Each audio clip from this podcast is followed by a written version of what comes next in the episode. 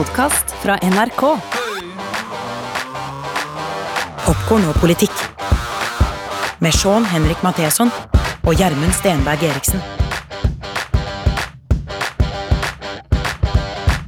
Gjermund, vi er på dag ni av krigen i Ukraina. Vi er i episode to av Popkorn og politikk etter at krigen eh, brøt ut.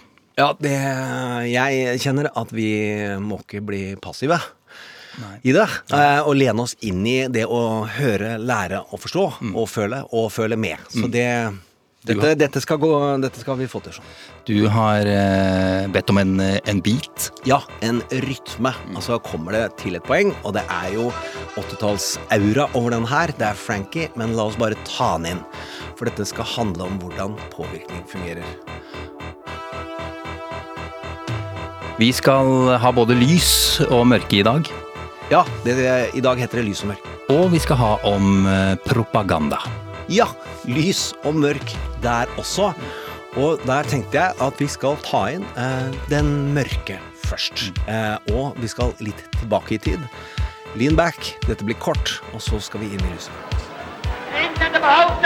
Das deutsche Volk wehrt sich gegen die totale Kriegsmaßnahme der Regierung. Es will nicht den totalen Krieg, die Engländer, sondern die Kapitulation. Det var Josef Goebbels, eh, Gjermund. Selveste propagandaministeren til Adolf Hitler. Det er jo fra den forrige auraen hvor massekommunikasjon og propaganda ble satt på spissen. Men vi skal gå fra denne mørke fascist-nazist-diktatoren og til eh, en annen viktig figur som tok et oppgjør med et annet maktmiddel som også kan ses på som propaganda. Ja, vi drar inn litt eh, musikk først, Gjermund. Ja, fordi nå skal vi da høre slutten av eh, Charlie Chaplins framstilling av diktatoren. Han har jo driti inn ut i mange scener, og så kommer han og er alvorlig mot slutten. Og det sømmer seg litt at vi tar inn denne konklusjonen på hva Charlie Chaplin ønsket at folk måtte forstå, og ved å la diktatoren må ha forstått litt til slutt. We all want to help one another. Human beings are like that. We want to live by each other's happiness, not by each other's misery. We don't want to hate and despise one another. In this world, there's room for everyone, and the good earth is rich and can provide for everyone. The way of life can be free and beautiful, but we have lost the way. Greed has poisoned men's souls, has barricaded the world with hate, has goose-stepped us into misery and bloodshed. Ah, Charlie Chaplin der fra filmen 'Diktatoren', selvfølgelig, som han lagde i, i 1940. Det er der han jo danser med denne jordkloden som er en ballong. Det er jo vakkert å se på ballett i, i, i sort-hvitt hvor ballongen, liksom, jordkloden, flyr opp og ned. Den er helt fantastisk. Og der har vi forrige gang vi hadde diktatoren mot komikeren. To former for propaganda jeg mener vi skal se på i dag. Og med Frankie Goes to Hollywood, Gjermund, den har jeg bare gode assosiasjoner til, og så skal du dra den inn i dette her Den er mørket meningen. Det er med Charlie ja, ja, Chaplin. ja, ja, Og det er den biten du skal føle når du blir utsatt for kommunikasjon som du faktisk har lyst til å ta inn. Ja, greit. Så eh, dere behøver ikke danse, men hør på Frankie.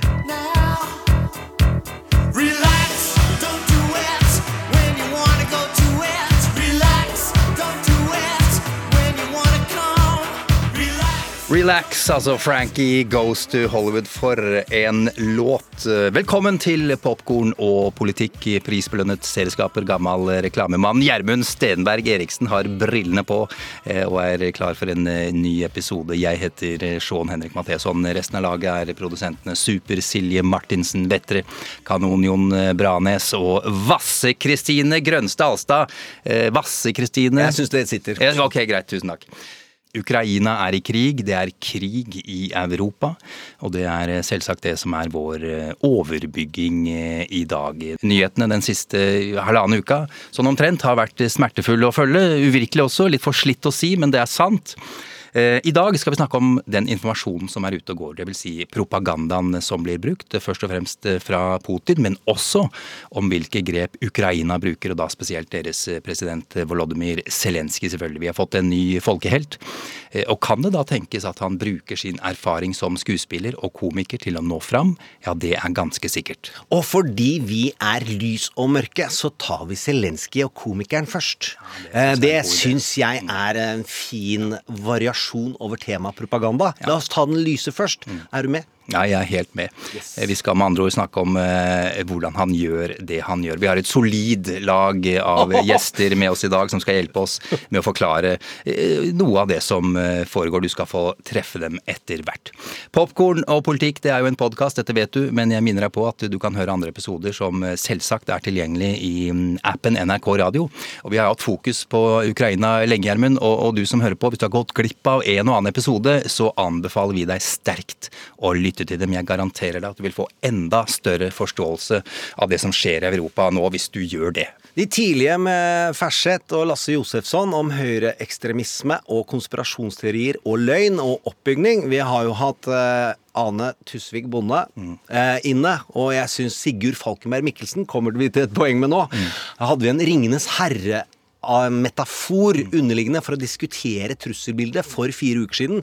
Jeg var utrolig fornøyd med hvordan han refset meg for at vi ikke kan bruke all litteratur som kart, fordi verden beveger seg ikke i litterære baner. Men det underliggende maktforståelsen, den eh, sitter, og han kommer jo og snakker om det i dag. Han gjør det. Eh, så altså, diktatoren og komikerens eh, propaganda. Jeg eh, sier det rett ut med en gang, jeg er på komikerens side. Det er jo ingen overraskelse. Da kan du høre alle våre episoder hva vårt syn på det er.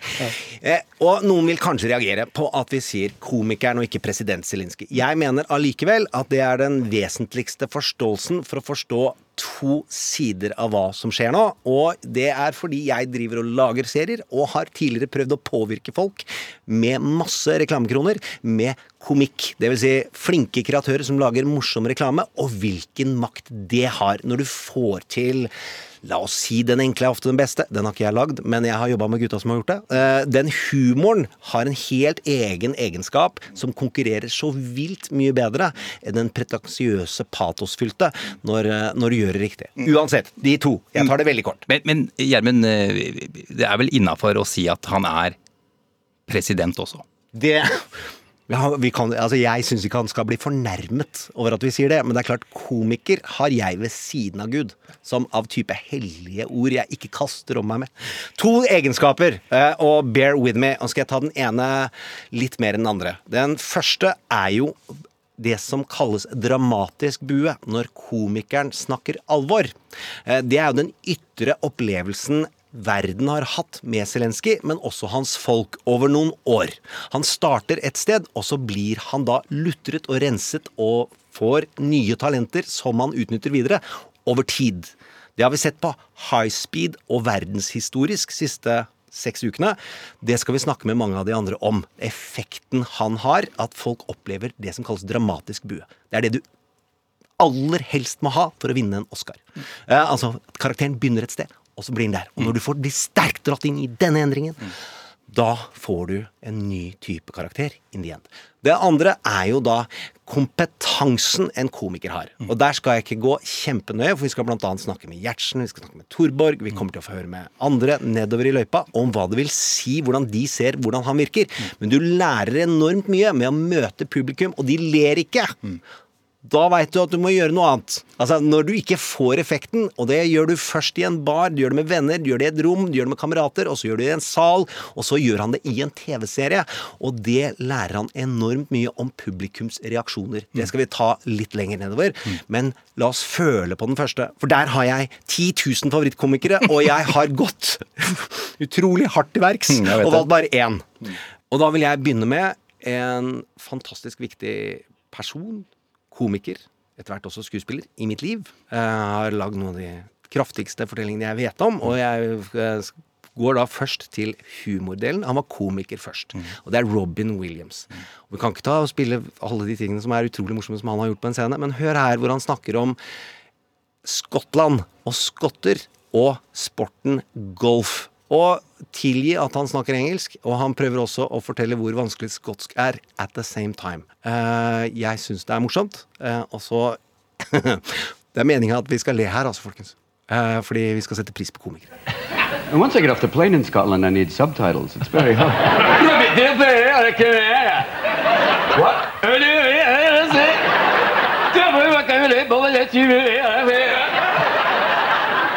They could invent golf. They could have a couple of Guinness, and then the next thing you know, what's here's my idea for a sport. I knock a ball into a gopher hole. Oh, you mean like pool? No, forget pool. That was a straight stick. A little broken stick. I whack a ball into a gopher hole. Oh, you mean like croquet? Ah, no, not croquet. That's a pussy sport. Robin Williams, for en type. Ja, og så kan vi gå over.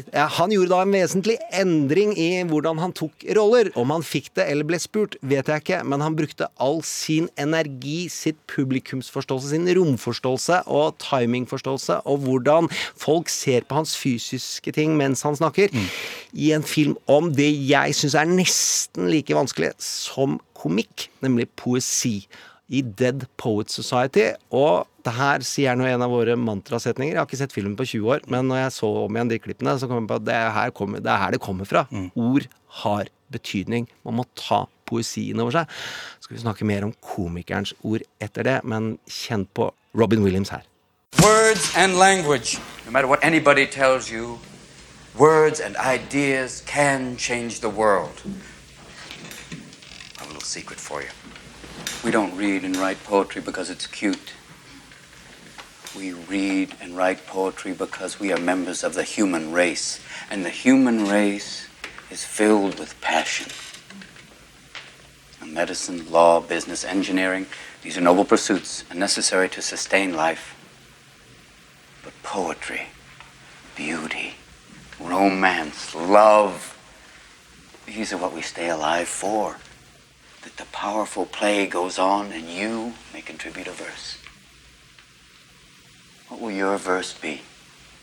Ja, han nådde ganske godt frem her, Gjermund. Jeg husker ikke, men jeg syns han skulle få Oscar for nesten alt han gjorde, når han da gikk fra komikk til drama.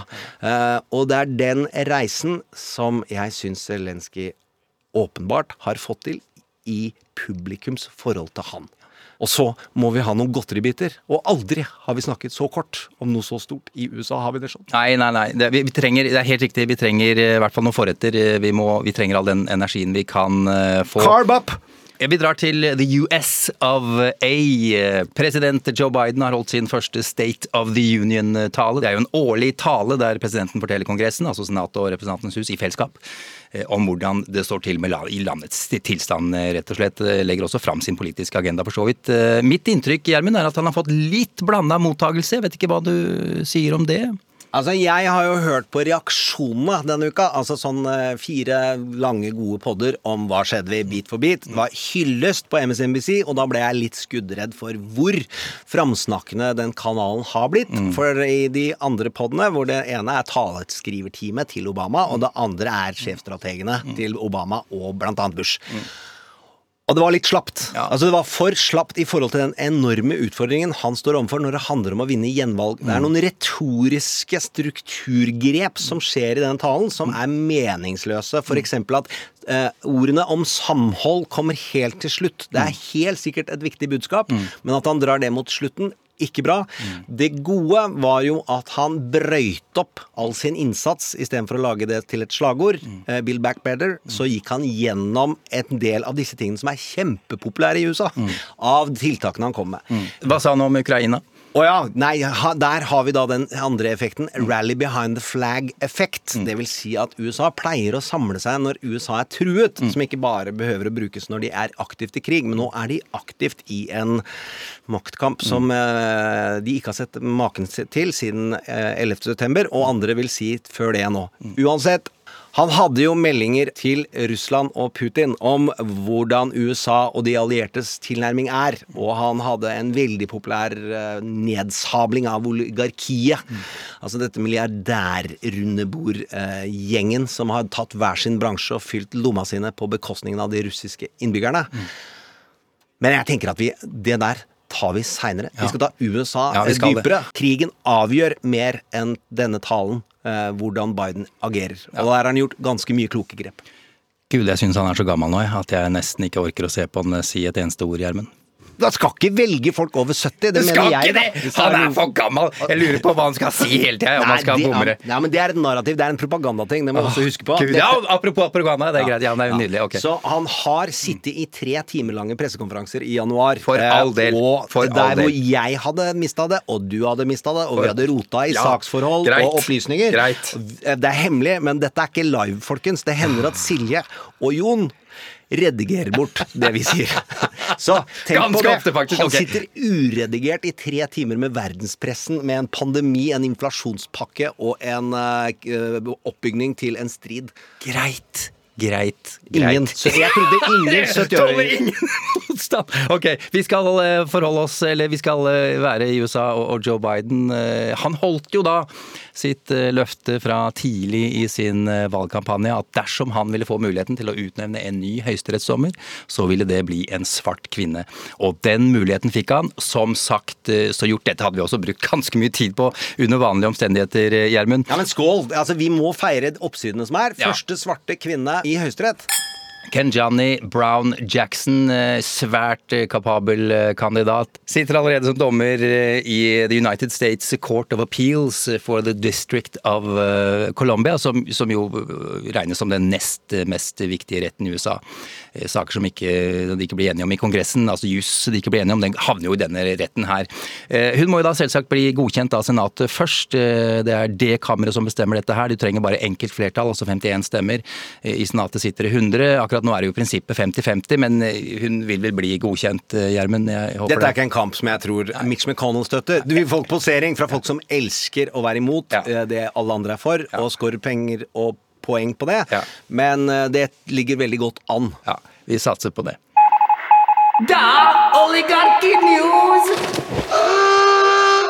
Ja, det, der kan du se. Vi skal jo bruke komikk, Ja, vi og må disse det. oligarkene må, Vi tåle det. Ja, fader heller, ass. Det må være lov å kose seg litt over at eh, luksusyachtene til eh, oligarkene er i ferd med å senkes eh, rundt omkring. Det er en sterk overdrivelse. Men én ukrainsk maskinist for yachten til en russer som lå til havn i Mallorca, gjorde nettopp dette her. Han skrudde i hvert fall opp bunnventilen og klarte delvis å senke båten. Lady Anastasia, nesten 50 meter lang, tilhører forresten oligarken Aleksandr Miev som tjener pengene sine på, på våpen. eh, Russiske eksport. våpen, da. Eh, Russiske våpen, selvfølgelig. Flere og flere yachter blir jo da beslaglagt eh, rundt omkring, og samtidig er jo store deler av flåten av private fly satt på bakken. Og i Tyskland så ble vel verdens største yacht ble det tatt nå i eh, Helt vilt. Ja. Ja. Så in oligark news Ja. The other, other things will happen, and we will bring that as pieces of light Yeah. and humor Light in the humor. honor of the comic. I Popkorn og politikk i dag har vi en lang rekke med, med gjester. Eh, vi- Mye bedre mennesker enn oss selv. Alltid, Gjermund. Det er ikke så vanskelig å få til, egentlig. Eh, forteller deg nå med en gang at eh, vi kommer til å gi ut eh, bonusepisoder i uka som kommer. Eh, allerede i morgen, på lørdag, så kommer det en episode, og ikke minst på tirsdag enda en episode, Gjermund. Bonus fordi at vi har fått muligheten til å snakke med folk, og at vi lærer noe i de samtalene. Og så er det frivillig å høre på dem, men jeg syns jo det Nei, samtalen det er mandatory. Mandatory, Ja. og, unnskyld. Ja. Det er mandatory å høre på dem, og jeg gleder meg til å høre den samtalen du har. Jeg skal snakke med en eh, russer som har bodd i Norge i 20 år. Som har både familie i Russland og i Ukraina. Eh, Hun skal fortelle om hvordan eh, propaganda eh, virker på russeren eh, hjemme.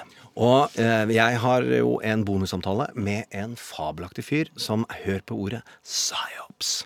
Eh, Det høres science fiction-aktig ut, Ja, det er, Ja. det er avmystifisering. Vi kommer tilbake hva- til hva det er Mm. eh, mot slutten, men det kommer da en bonus på tirsdag Mm. eh, om hvordan kommunikasjon brukes av forsvar og etterretning eh, og stater Mm. eh, på den lyse og den mørke siden. Propaganda på et vis, er det ikke det? Det er rett og slett propaganda, Ja. men det er flere ting enn det. Tøffere ut med psyops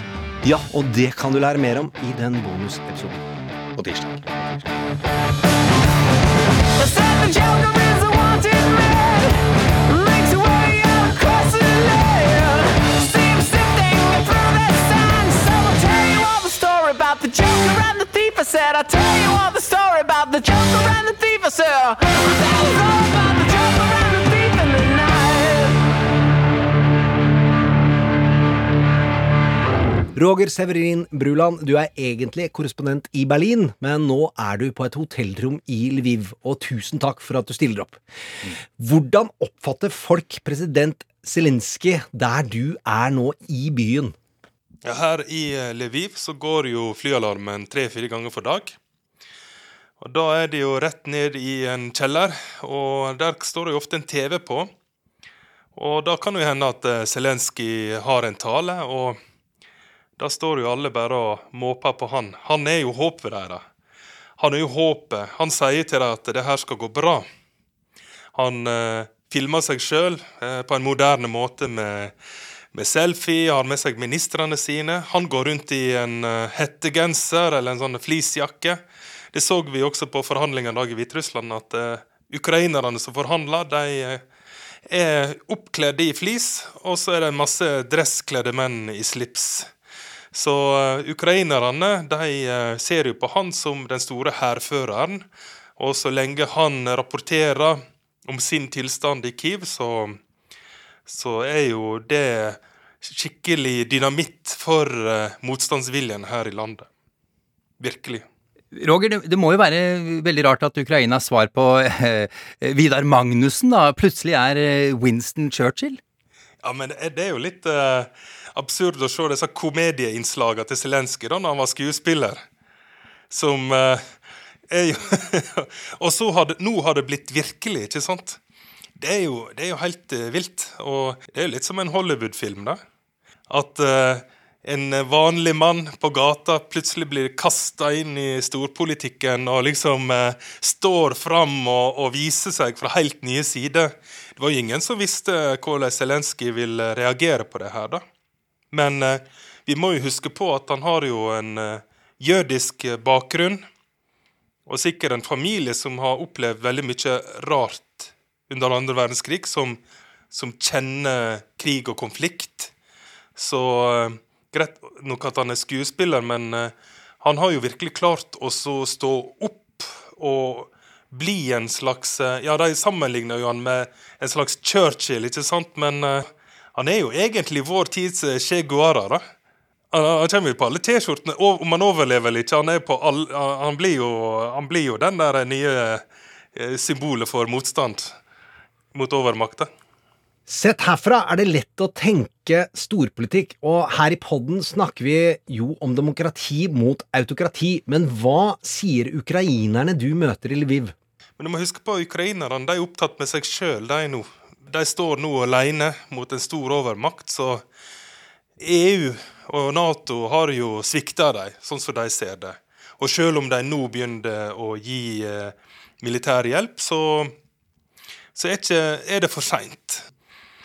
Nå handler det om Ukraina. Det handler om at presidenten er i Kiev. Kiev står. Og ikke bare presidenten, men han eh, tungvektsbokseren òg, Klitsjko. Han òg eh, snakker jo fra kontoret sitt og poserer med, med maskingevær som en reneste Rambo. Ja, borgermester i Kyiv, og er jo den gamle verdensmesteren i tungvektboksing, Vitali Klitsjko. 201 cm høy og mer enn 110 kilo muskler. Broren hans, ja. Ja, og broren hans. Ikke liten han heller. Det er svære karer, altså. Det er veldig store karer. Og det er klart at eh, det her gir jo en eh, kjempeboost til folk, for eh, dette her kan jo fort bli langvarig, ikke sant? Og da, da må vi ha alle Alle mann eh, må, må være med, ikke sant? Så jeg tror det her er det samholdet som eh, holder liv i, i motet. Og jeg har sett massevis av unge folk, sånn 22-23 år gamle, som de er kjempeoptimister. Vi hjelper til. Vi tar imot hjelpesendinger og donasjoner og sender det videre. Og alle Ja, jeg var jo i dag så var jeg jo nede på en sånn eh, skole der jeg drev og laga sånn kamuflasjenett. da. Det var sånn skoleprosjekt. Kvinner med sånne rødmåla negler som drev og laga til. det, var, altså, det er jo helt absurd. Jeg var jo her for eh, to uker siden. Da var det jo fred her. og det var liksom, eh, Folk gikk på restaurant. og ja, Nå har de stengt eh, alkoholservering, og så det, må vi jobbe for å forsvare bilen. Du kan jo tenke deg sjøl, da. Hvis at du eh, Neste uke så var det erklært krig mot Norge. Og du ble fortalt at nå skal du i krigen og, og krige mot en stor overmakt og risikere livet ditt.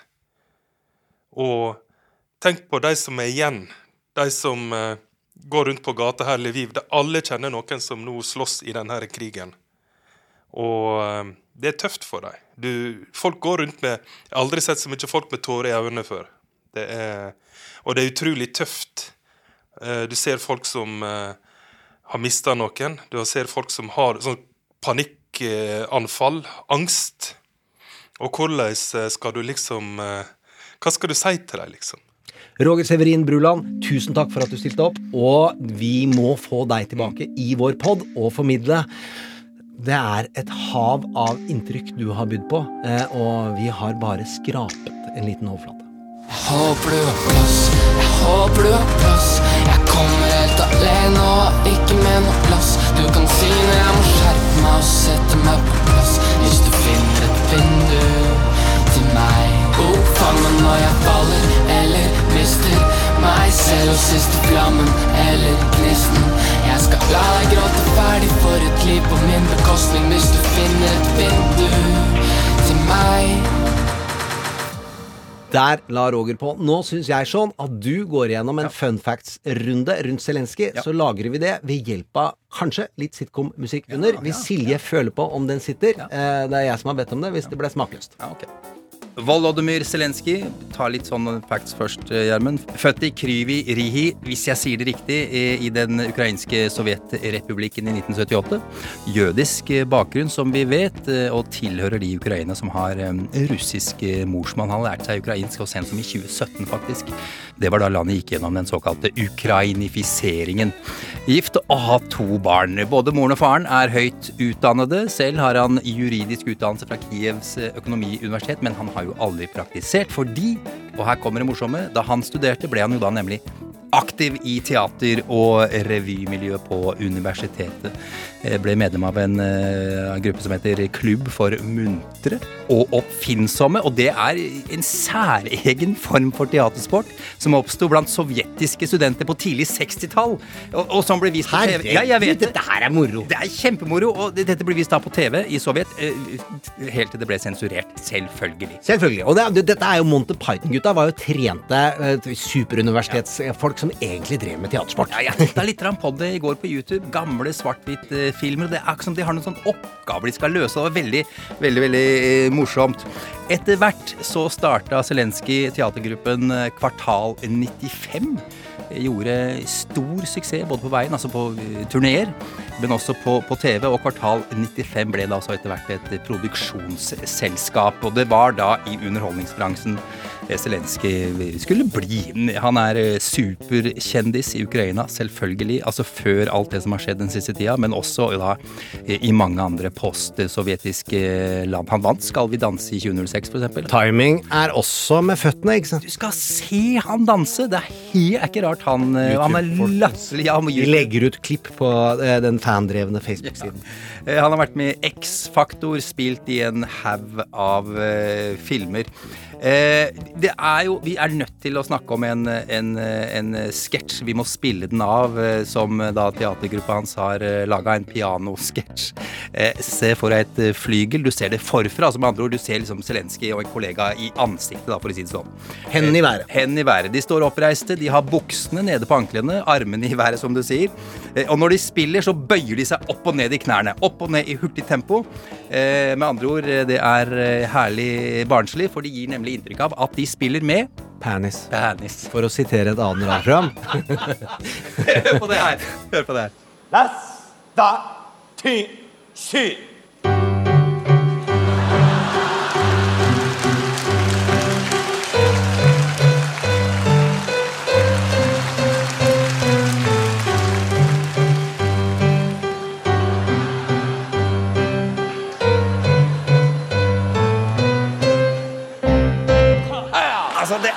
Det er så morsomt! Det Jeg syns det der er morsomt. Jeg elsker det. Ja. Eh, og det jeg liker, dette må du se på YouTube. Du må se, ja, og så må du se hvordan de følger, følger nøye med på notene.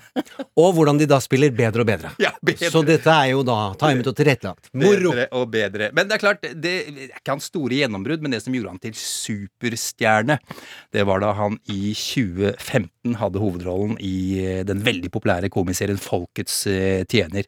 Eh, Der spilte han en eh, fraskilt historielærer som bodde hjemme hos eh, foreldrene sine. Eh, Og han var lei av udugelige politikere, og en av hans renter ranter da, om dette her overfor en kollega i et klasserom blir filma av en elev. Den blir lagt ut på nettet, den tar helt av. Og før han vet ordet av det, så er han da valgt til eh, president. Og med alt det fører med seg av forviklinger, selvfølgelig. Vi skal høre eh, dette klippet her, eh, der han snakker med kollegaen sin da, i dette klasserommet. Eh, igjen ekstremt frustrert over at eh, studentene hans ikke setter pris på historie. Eh, og like frustrert er han da over politikere som gjør de samme feilene om og om igjen fordi de ikke kan historie. Hør på dette her. Достало это. Петрович, ну чё ты? Надоело уже мне это все. Математика, сука, царица наук у вас. Ну хорошо, математика. А история, как ты сказал, херня собачья. А потом мы удивляемся. А почему наши политики каждый раз приходят к власти и совершают одни и те же ошибки? Да потому что они охуенные математики. Знают только, как отнимать, делить и приумножать свое. Вот и Петр всё. Петрович, я сроду тебя таких слов не слышал. Чё ты завелся? Потому что достали все эти мудаки вот здесь, понимаешь? Теперь, сука, они заставляют детей будки ваши, блядь, строить. Det er veldig fint, skjønner du. Jeg blir ekstremt rørt. Ja. Og det er, Ja. dette er høykvalitets-timing, dude. Ja, det, det- ser vi på disse klippene. Jeg har ikke sett serien. Nei, jeg har bare sett på klipp siste døgnet. Han er en meget dyktig skuespiller, og til alle ukrainere der ute, det er ikke sikkert jeg fikk med meg alt som skjedde under denne litt kjappe oversettelsen mm. her.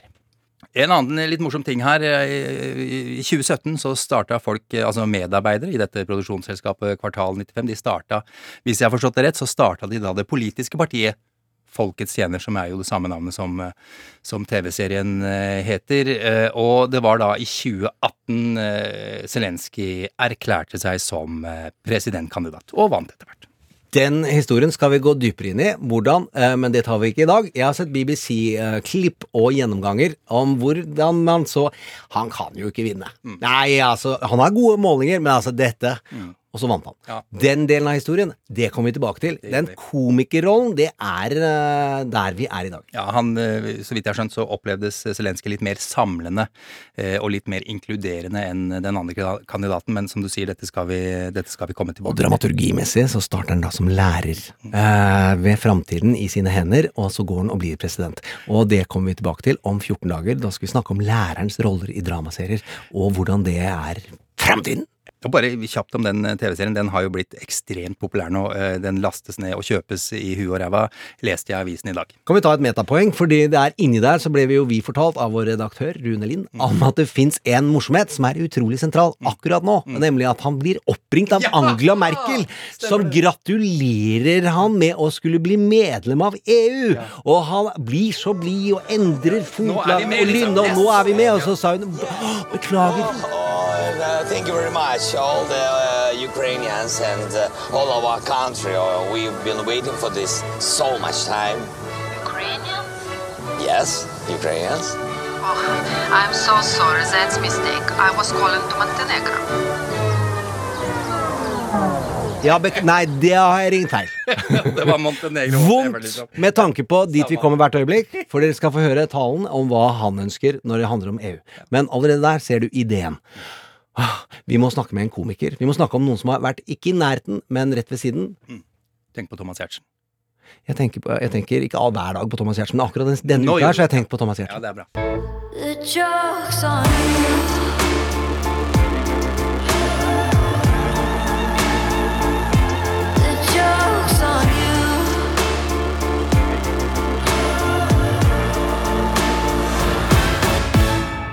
Popkorn og politikk. Da skal vi snakke med en person som needs no introduction. eh, Noen facts klarer du. Ja, det er greit. Han heter for eksempel Thomas Giertsen. Ja, og har eh, lagd Mandagsklubben, Kino Hårde dager, hatt eh, et veldig kjent standup-show i- på 90-tallet. En av Norges fremste komikere, rett og slett. Også ikke minst mannen bak da fantastiske serien Helt perfekt, som jeg ikke orker å se på. Uendelig mange pinlig. sesonger. Er. Uendelig mange sesonger. Og poenget her er jo at han er komiker-nerd. Og derfor har jeg bedt om å få ringet inn, Mm. få høre hans faglige perspektiv på hva en komiker-nerd kan få lære seg Mm. gjennom årevis å jobbe av frykt for å ikke få det til. For det er det vondeste. Mm. Det vet du og jeg. Sleng ut en vits. Og så lander den helt flatt. Du blir eh, skuddredd. Og Gjertsen vet jeg jobber utrolig mye med å lære seg faget. Så nå ringer vi ikke til for, Og han ba meg presisere. Han er ikke Zelenskyj. Og han vil ikke ha sammenligninger. Eh, jeg sa vi ringer deg for komikernerd, og at du har jobbet lenge med TV. Det har Zelenskyj òg. Så kan vi bruke den humoren inn? Kan du sveive telefonapparatet i gang? For han går jo Han er ute og går, så han har dårlig tid, så jeg vet at han nå er ute og går i en eller annen gate i Oslo. Hør, hør, ja, der, ja. Der, stopp, stopp. Thomas? Hallo? Ja, Hei, ja, hei, halla, hei, Sean her. Hei, hei. Thomas, eh, hva er forskjellen på en komiker og en skuespiller? Jeg tenker jo at eh, en skuespiller er en som leverer og fremfører andres tekster og andres stemme, på en måte. Mens, eh, så er et medium, mens en komiker har jo um, som oftest sin egen stemme og, og målbærer og fremfører sitt eget budskap, da. Har sin egen holdning og attitude inn i det, liksom. Ja, rett og slett. Enten er du et medium som fremfører noen andres eh, ting, eller så har du en egen stemme med ditt eh, eget materiale og din, ditt eget ståsted og din egen holdning.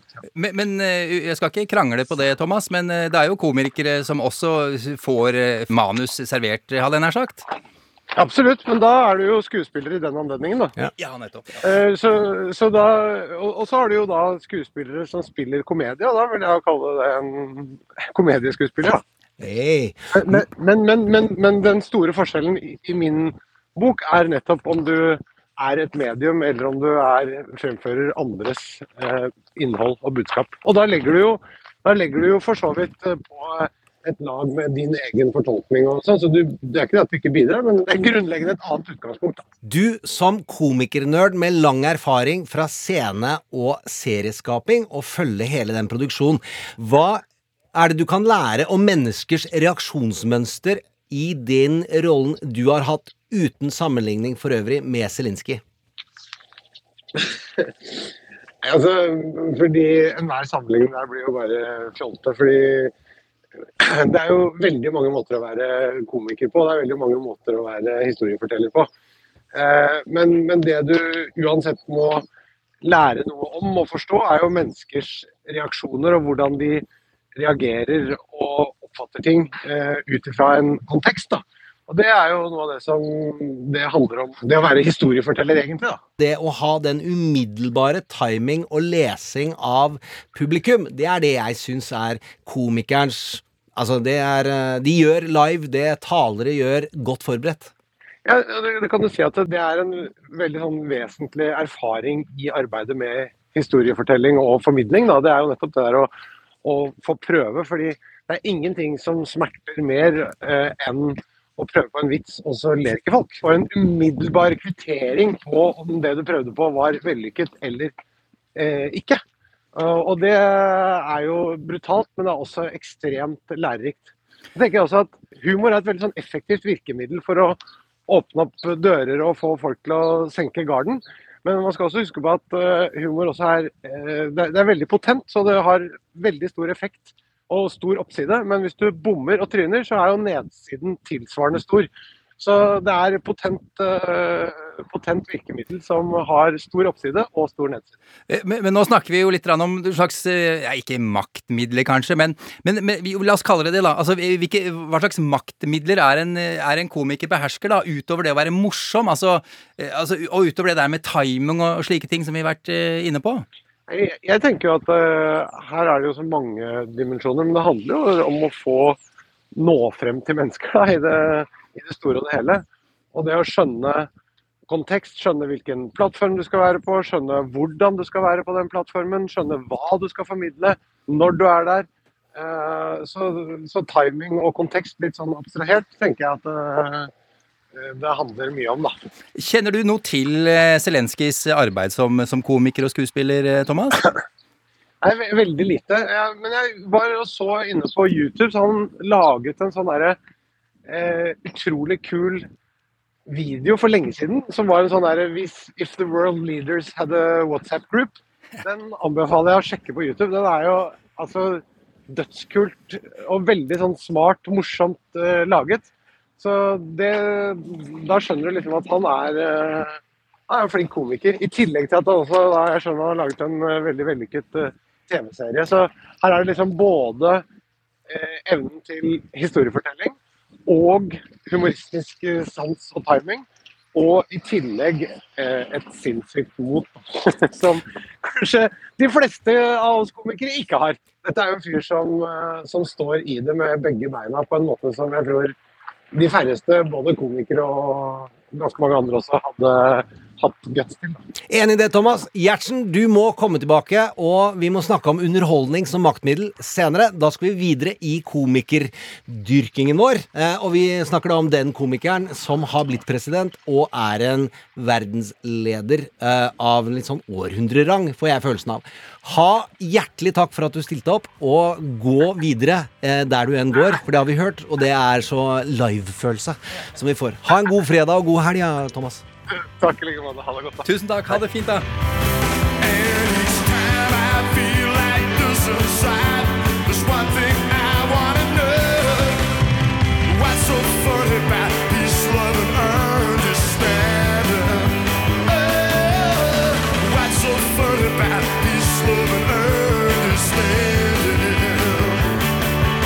Vi har på besøk eh, i Popkorn og politikk av skuespiller Katrine Thorborg Johansen. Hun har du sett i serier som eh, Heimebane, Okkupert, Ragnarok. eh, I filmer som Skjelvet og Burning, blant eh, annet.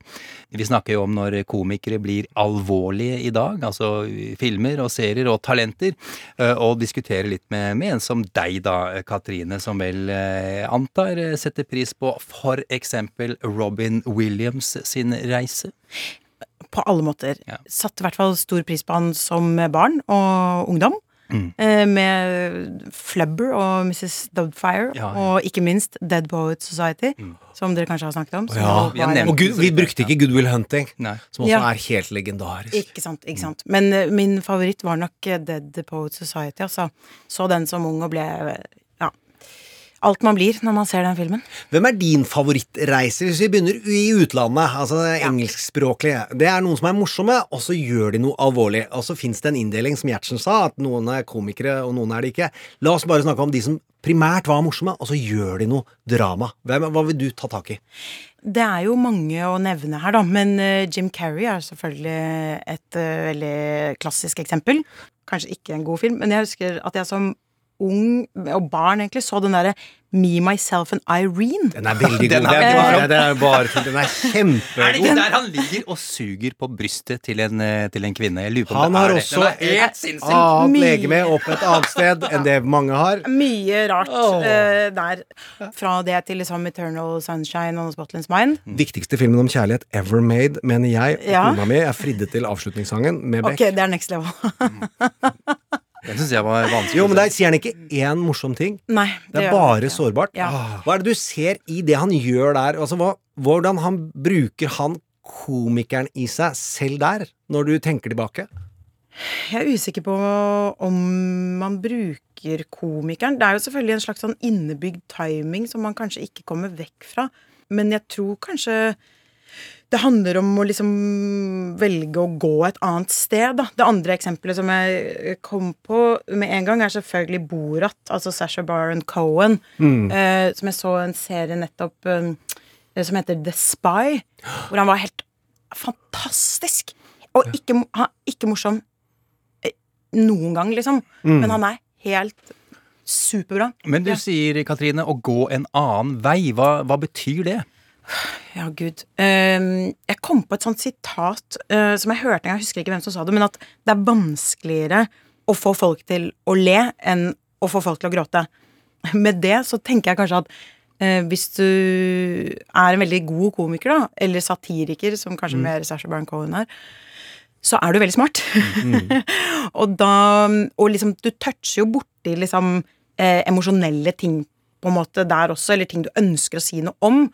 Så kanskje man måtte, kan ta den emosjonaliteten en annen vei, da. Eller hvis du er så smart, så vet du kanskje liksom hvilke knapper du skal trykke på også for å uh, kunne være en uh, alvorlig rolle, da. Eller sette seg inn i et annet mindset, eller Jeg vet ikke helt. Nei, jeg tror det er riktig. Altså du får en sånn tangenttrening. Når du er eh, komiker, så er det Spiller du falskt mot og peker mot humor, så blir det ikke morsomt. Så den tam, tam, tam, tam, tam, tam, tam, tam, tam, Da skal det være morsomt. Og så, da tror jeg du har en sånn der mengdetrening i følelsesting, hvor ord og rekkefølge og tid og de andres reaksjoner og alt sammen må stemme. Mm. Som er en annen i filmverden jeg vet har da lest alt i høy hastighet er jo Steven Spielberg, som omtales av mange som Han tar inn alt på en gang, alltid, og kommer med det riktige når han skal. Mm. Da jeg ser på som et komikertalent.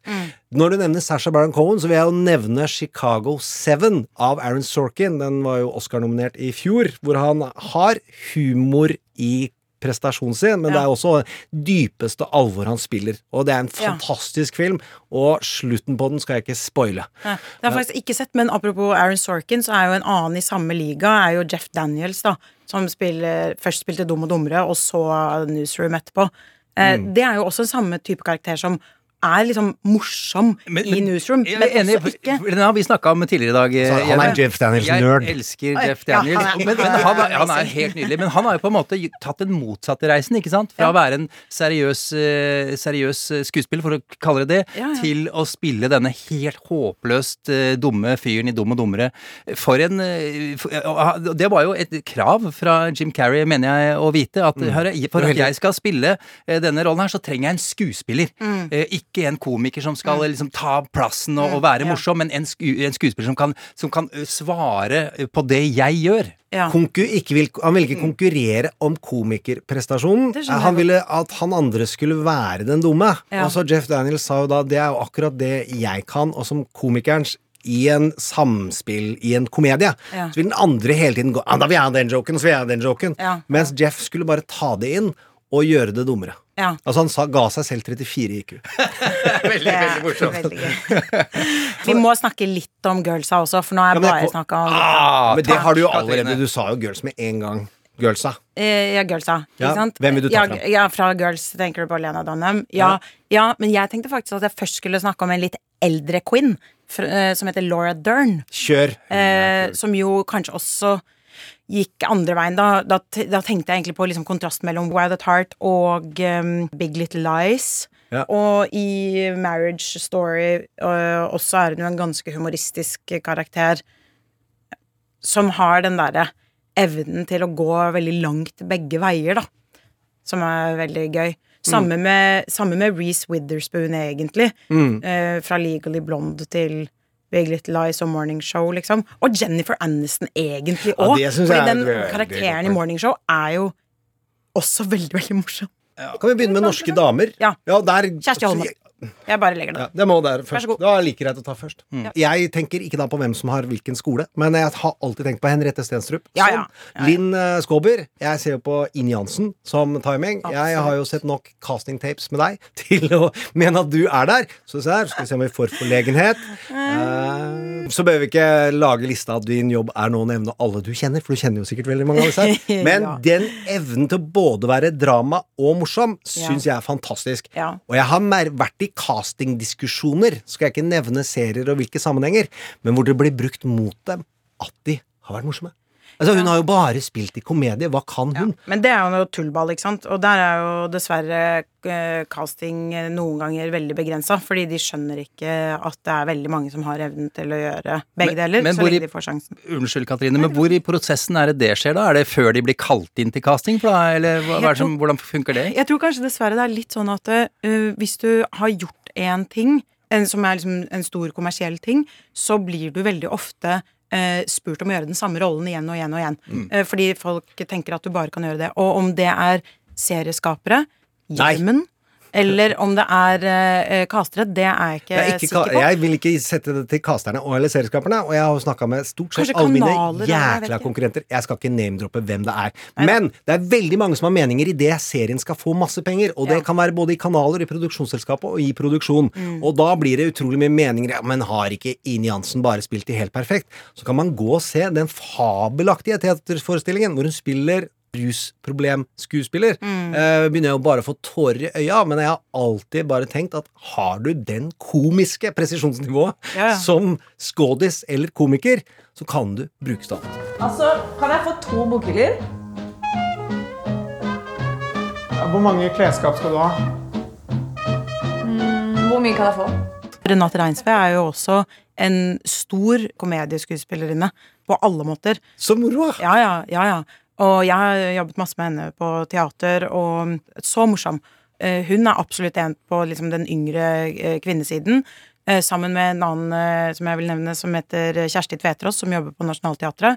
Som også har en sånn helt spesiell egen gave av å være kjempemorsom, men også dypt alvorlig. I samme forestilling, liksom. Og så vil jeg også nevne det at det, det er ikke Det fins mange helt fantastiske skuespillere som ikke er morsomme i det hele tatt. Nettopp. Så jeg vil ikke si at det er noe sånn kriterium for å være Nei, nei. skuespiller og kunne begge deler.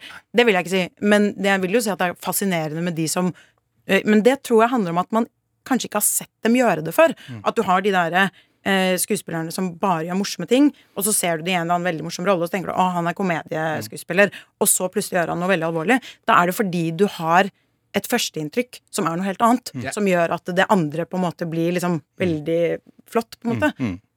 Du har jo da sett denne komikeren som blir en president og blir en krigshelt. Har du noen kommentar til hva du har sett hans eh, tilstedeværelse er, eller er det noe du ikke har lyst til å snakke om? Uff, jeg øh, tenker bare at øh, han da eventuelt har en egenskap som øh, mange gode skuespillere har, som er å være Fremstår som at han er til stede, på en måte. Han er til stede i det som skjer, øh, både intellektuelt, men også emosjonelt. Og han er til stede i seg selv og reagerer på det som skjer, og klarer å formidle det da, i talene sine. Så er forskjellen med han da, at han står i en eh, reell situasjon, og en skuespiller later som, på en måte. Men bare for å stille dere et spørsmål, begge to, da, dere som jo er i, i bransjen. Er det sånn at uh, Gjermund, eh, først deg, da. Når du ser Zelenskyj holde taler, du hører hva han sier, hvordan han er på TV og sånn, ser du Ser du skuespillerne dine og teknikkene, ja? Nei, eh, det det går an å se helt iskaldt, er altså, hvordan han legger haka, hvordan han passer på i hvilke bilder han står, og hvordan han står. At det er sånn Jeg skal ikke drive og posere nå. Jeg skal ha gutta her, jeg skal stå der, jeg skal stå midt i. Jeg skal ikke stå foran, jeg skal ikke lage en sånn derre maktløkete digg meg sjøl-posering. Når han sitter og snakker til EU, så gidder han ikke lage sette kamera der hvor han skal se best ut. Han lager, Mm. Ja. lar det ligge der sånn sånn Veit du hva, jeg har ikke tid til å jobbe med Flagget får henge der det ligger. Mm. Istedenfor andre hadde jo jobba med å få frem fargen og sånt nå. Men- men jeg han, tenk- jeg tenk- han skjønner verdien av at når skal han jobbe med uttrykket, og når skal han gi faen. For meg var det det sterkeste taleøyeblikket i vårt århundre, bare for å hause det opp. Jeg syns det er så grusomt og Ja. emosjonelt å se på, så jeg klarer ikke å liksom eh, tenke Altså, jeg tenker veldig mye på det når jeg ser på Putin, da, fordi der virker jo alt helt uh, utrolig gjennomplanlagt og diktatorisk på en utrolig usjarmerende måte. Jeg bare tenkte på det med at eh, veldig mye av det er nok også kanskje ikke bevisst fra hans side. Fordi eh, når man jobber med ting så lenge, så er det liksom Det er, sitter i ryggmargen din hvordan du skal eh, kommunisere på en eller annen måte.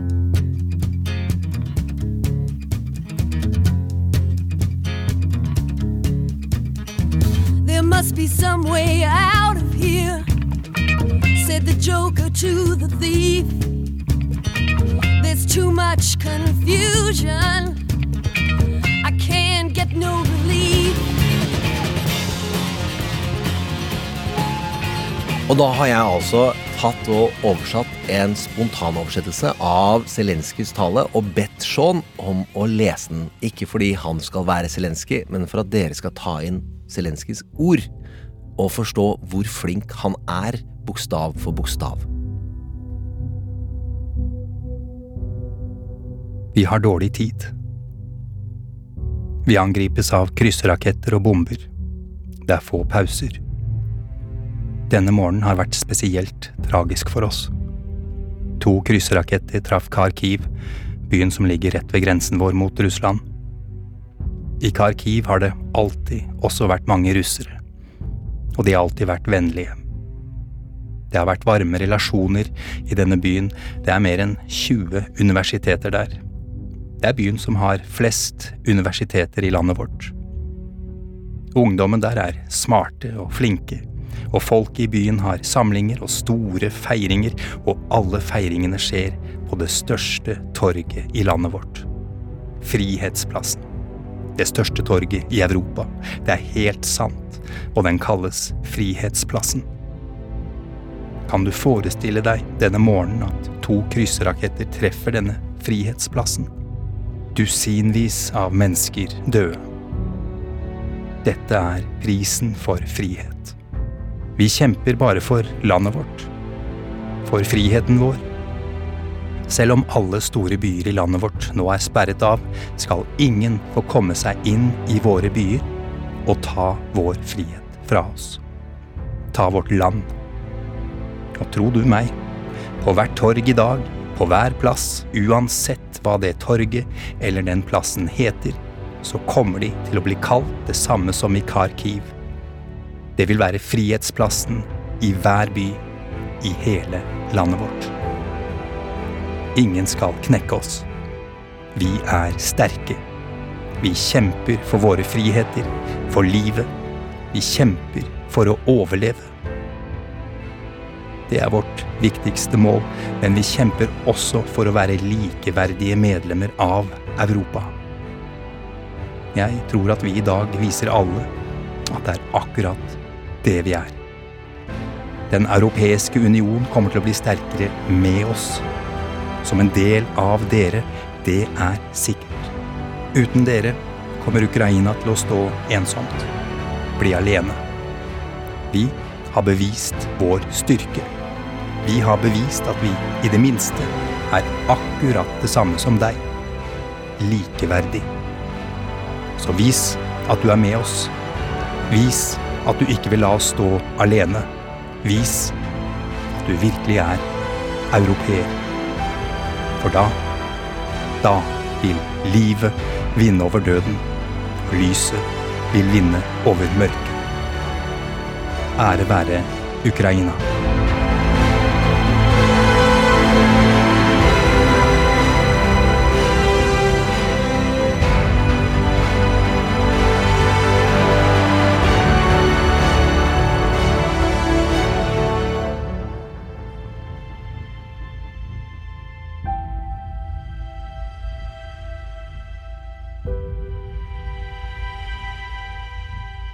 Sigurd Falkenberg Mikkelsen, du har vært gjest i podden vår før. Det kan folk finne ut av. Du er utenriksredaktør.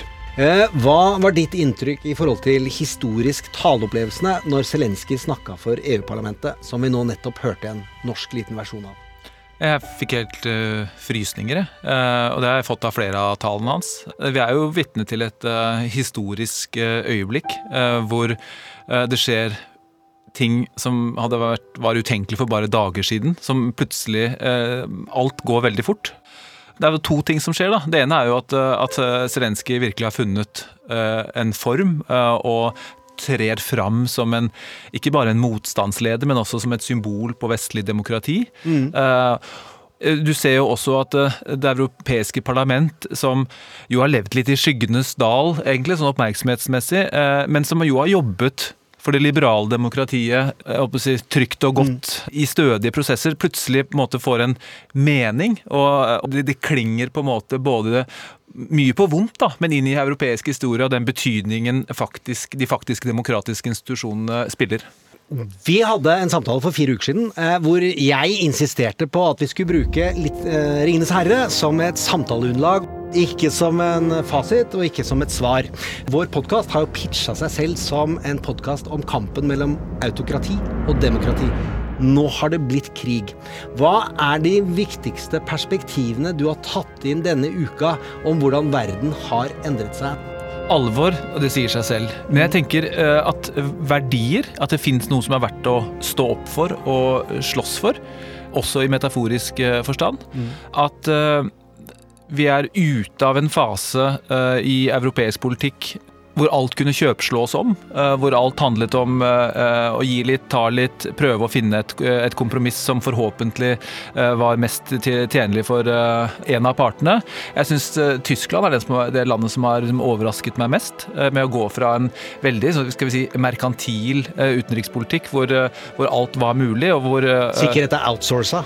til å, å, å snu seg 180 grader. Det er egentlig det som har gjort mest inntrykk den, den siste uka. Jeg skal ikke ta eh, metaforen for langt, men det er klart Rohans folk har våknet.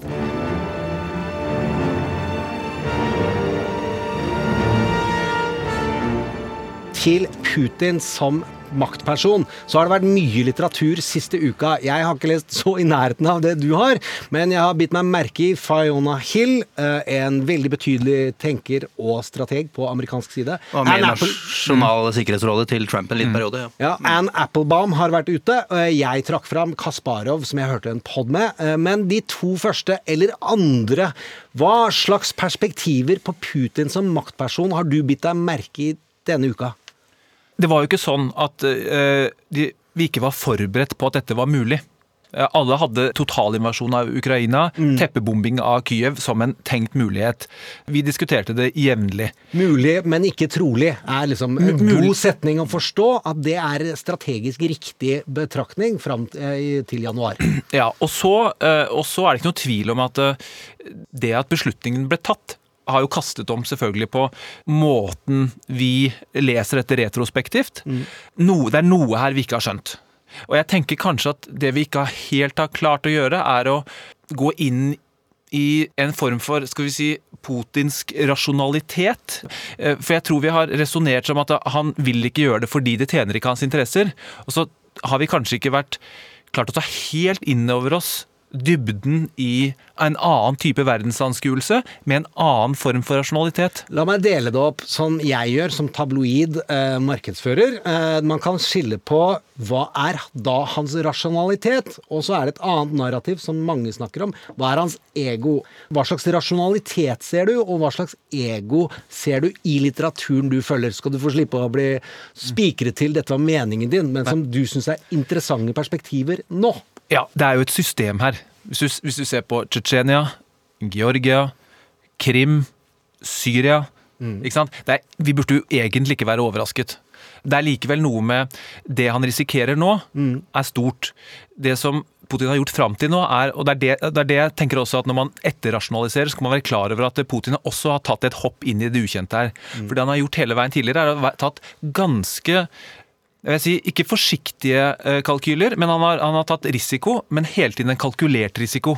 Eh, Syria, Georgia, alt dette kunne både rasjonaliseres, det kunne til og med noe av det har de også klart å forklare ut fra et juridisk perspektiv. Ta Syria eksempel, hvor de var en sånn kanskje moralsk å klandre, men sto juridisk på trygg grunn. Nå har han gått all in, og dette er et viktig poeng, han har tatt fullstendig eierskap til det. Det er ikke noe luft mellom Putin og den beslutningen. Han står 100 i det. Det tror jeg gjør situasjonen mye farligere, men den gjør den også veldig annerledes enn de andre. Men eh, det er altså eh, et rasjonale her som handler om å utvide de russiske grensene. Det handler om kontroll også i tidligere sovjetrepublikker hvor de ikke har invadert, som ligger der, og som Ukraina-krigen spiller seg inn i. Hvorfor gjorde han det akkurat nå, tror du, Sigurd?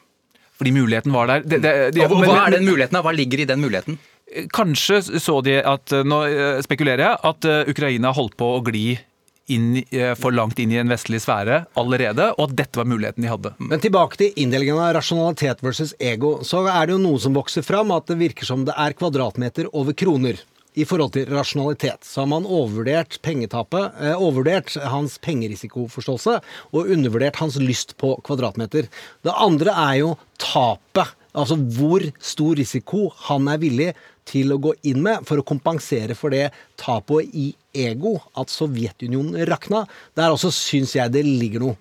Ja, jeg tenker at vi undervurderer den ideologiske dimensjonen ved, Mm. ved, ved politikken. At man er villig til å ta en kostnad som ikke kan forklares ut fra teorier og kortsiktig kost-nytte, men at, at man dyp, dypest sett tror på noe.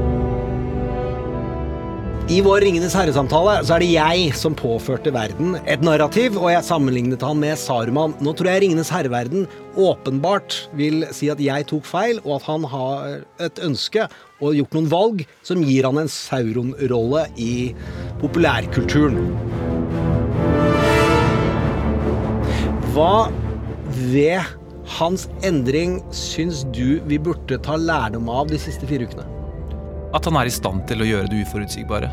At vi er i en situasjon hvor vi ikke lenger kan utelukke noe.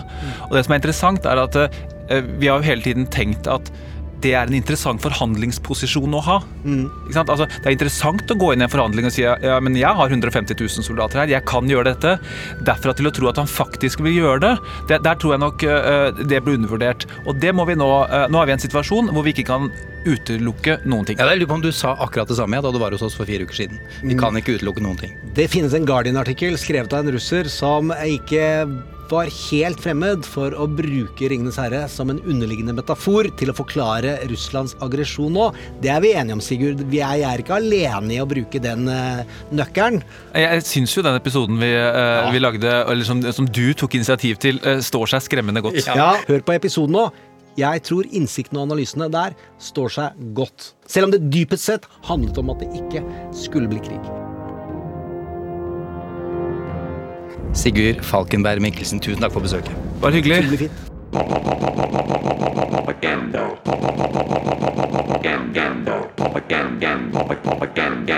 Popkorn og politikk. Nå skal vi høre eh, fra Eskil Grendal eh, Sivertsen. Han er forsker ved Forsvarets eh, forskningsinstitutt. Det er også viktig å høre da denne kommunikasjonsmannen snakke om effekten av Zelenskyj som kommunikator. Det er fort gjort å tro at taler er sminke og at ord er bare feel good, men hva han her sier om reell kampmoral, kampvilje og kampevne, syns jeg er essensielt for å forstå Zelenskyjs prestasjon innenriks. Han forstår den konteksten. Han forstår øh, hva som skal til for å, for å nå gjennom med sitt budskap. Eh, Han gjør ting veldig riktig med tanke på hva han har på seg, eh, hvor, i hvilke settinger han blir tatt bilde av. Ting som er veldig SoMe-vennlig. Forsvarsevne er jo veldig linka til forsvarsvilje. Så det er en ting forsvar og etterretningsorganisasjoner faktisk vet finnes. Det er ikke noe vi bare ser på film og TV-serier. Så ser vi ledere står opp og holder motiverende taler. Det må man i den situasjonen de er i. Og ja, i aller høyeste grad. Og han er en samlende, motiverende leder for, for ikke bare for ukrainske styrker, men for hele det ukrainske folk, og så ser vi noe for hele verdenssamfunnet. En del av grunnen til det er nok at, at vi står i en så ekstrem situasjon. Som, altså det er så viktig det vi står i nå. at vi, altså Den beundringa som hele verden viser for en leder, til en leder med så stor integritet eh, og ærlighet og ektehet i, i alt det han gjør, det gjør dypt inntrykk på, på alle, tror jeg. eh, Også på meg. Men du har jo forsket på og lest på hvor viktig dette er for forsvar og etterretningsorganisasjoner i krig.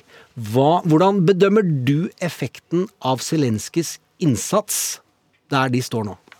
Jeg tror den er helt uvurderlig. Han er jo en, som du sa, altså, jeg vet ikke om du sa det akkurat sånn, men altså, han er jo en kommunikator av rang. Det er tydelig at han har kommunikasjonserfaring. Mm. Det er åpenbart. Han er, han er trygg i den rollen. Uh, og han gjør jo ting veldig riktig. Men mye mer av denne fantastiske interessante samtalen du hadde med ham, eh, Gjermund, det får vi i en egen bonusepisode av Popkorn og politikk. Den kommer på tirsdag. Og hvem er det du har snakket med? Jeg har snakket med Jevgenia Koroltseva. Eh, Hun er russer, bodde i Norge i 20 år. Har familie og slekt både i Russland og Ukraina. Eh, Hun skal fortelle om hvordan russeren, altså den jevne russer, hvis det går an å si det, hvordan de da får denne voldsomme Putin-propagandaen i, i, i huet i Russland, og, og hvordan de opplever det.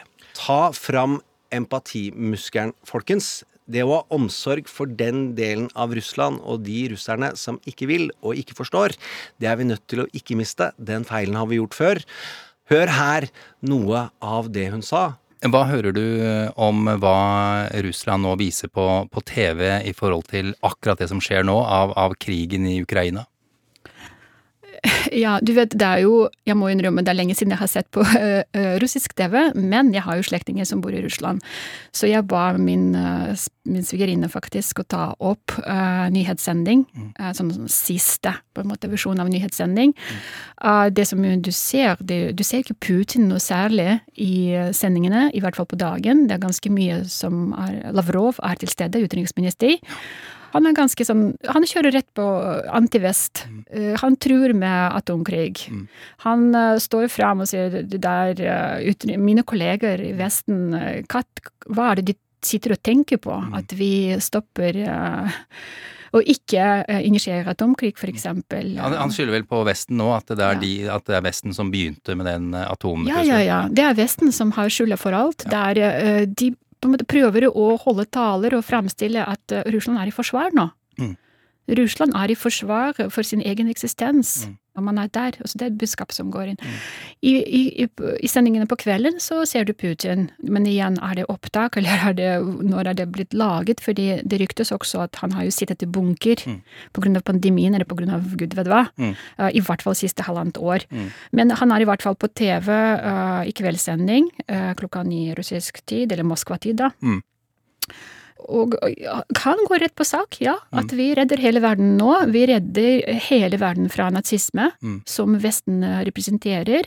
Vesten står for å backe opp uh, styret Ukraina, som har blitt så nazistisk og russisk fiendtlig. Uh, Russisktalende russere utryddes i Ukraina, så her må vi bare samle alle krefter vi har, folkens, for å redde uh, russere der borte. Du får altså høre hele samtalen med Jevgenia Koroltseva mm, fra lørdag, altså. Og tirsdag kommer den andre bonusen, men altså sett på empatimuskelen og ha medfølelse med de russerne som ikke vil krig, og de som er offer for propaganda og ikke vil og ikke har hatt muligheten til å vite bedre. Det må vi heller ikke miste. Takk man,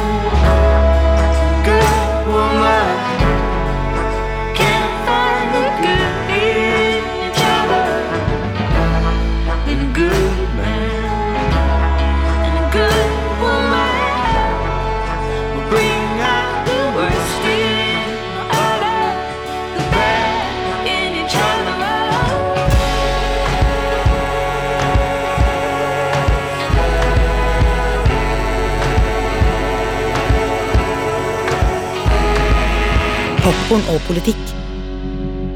Du har hørt en podkast fra NRK. De nyeste episodene hører du først i appen NRK Radio.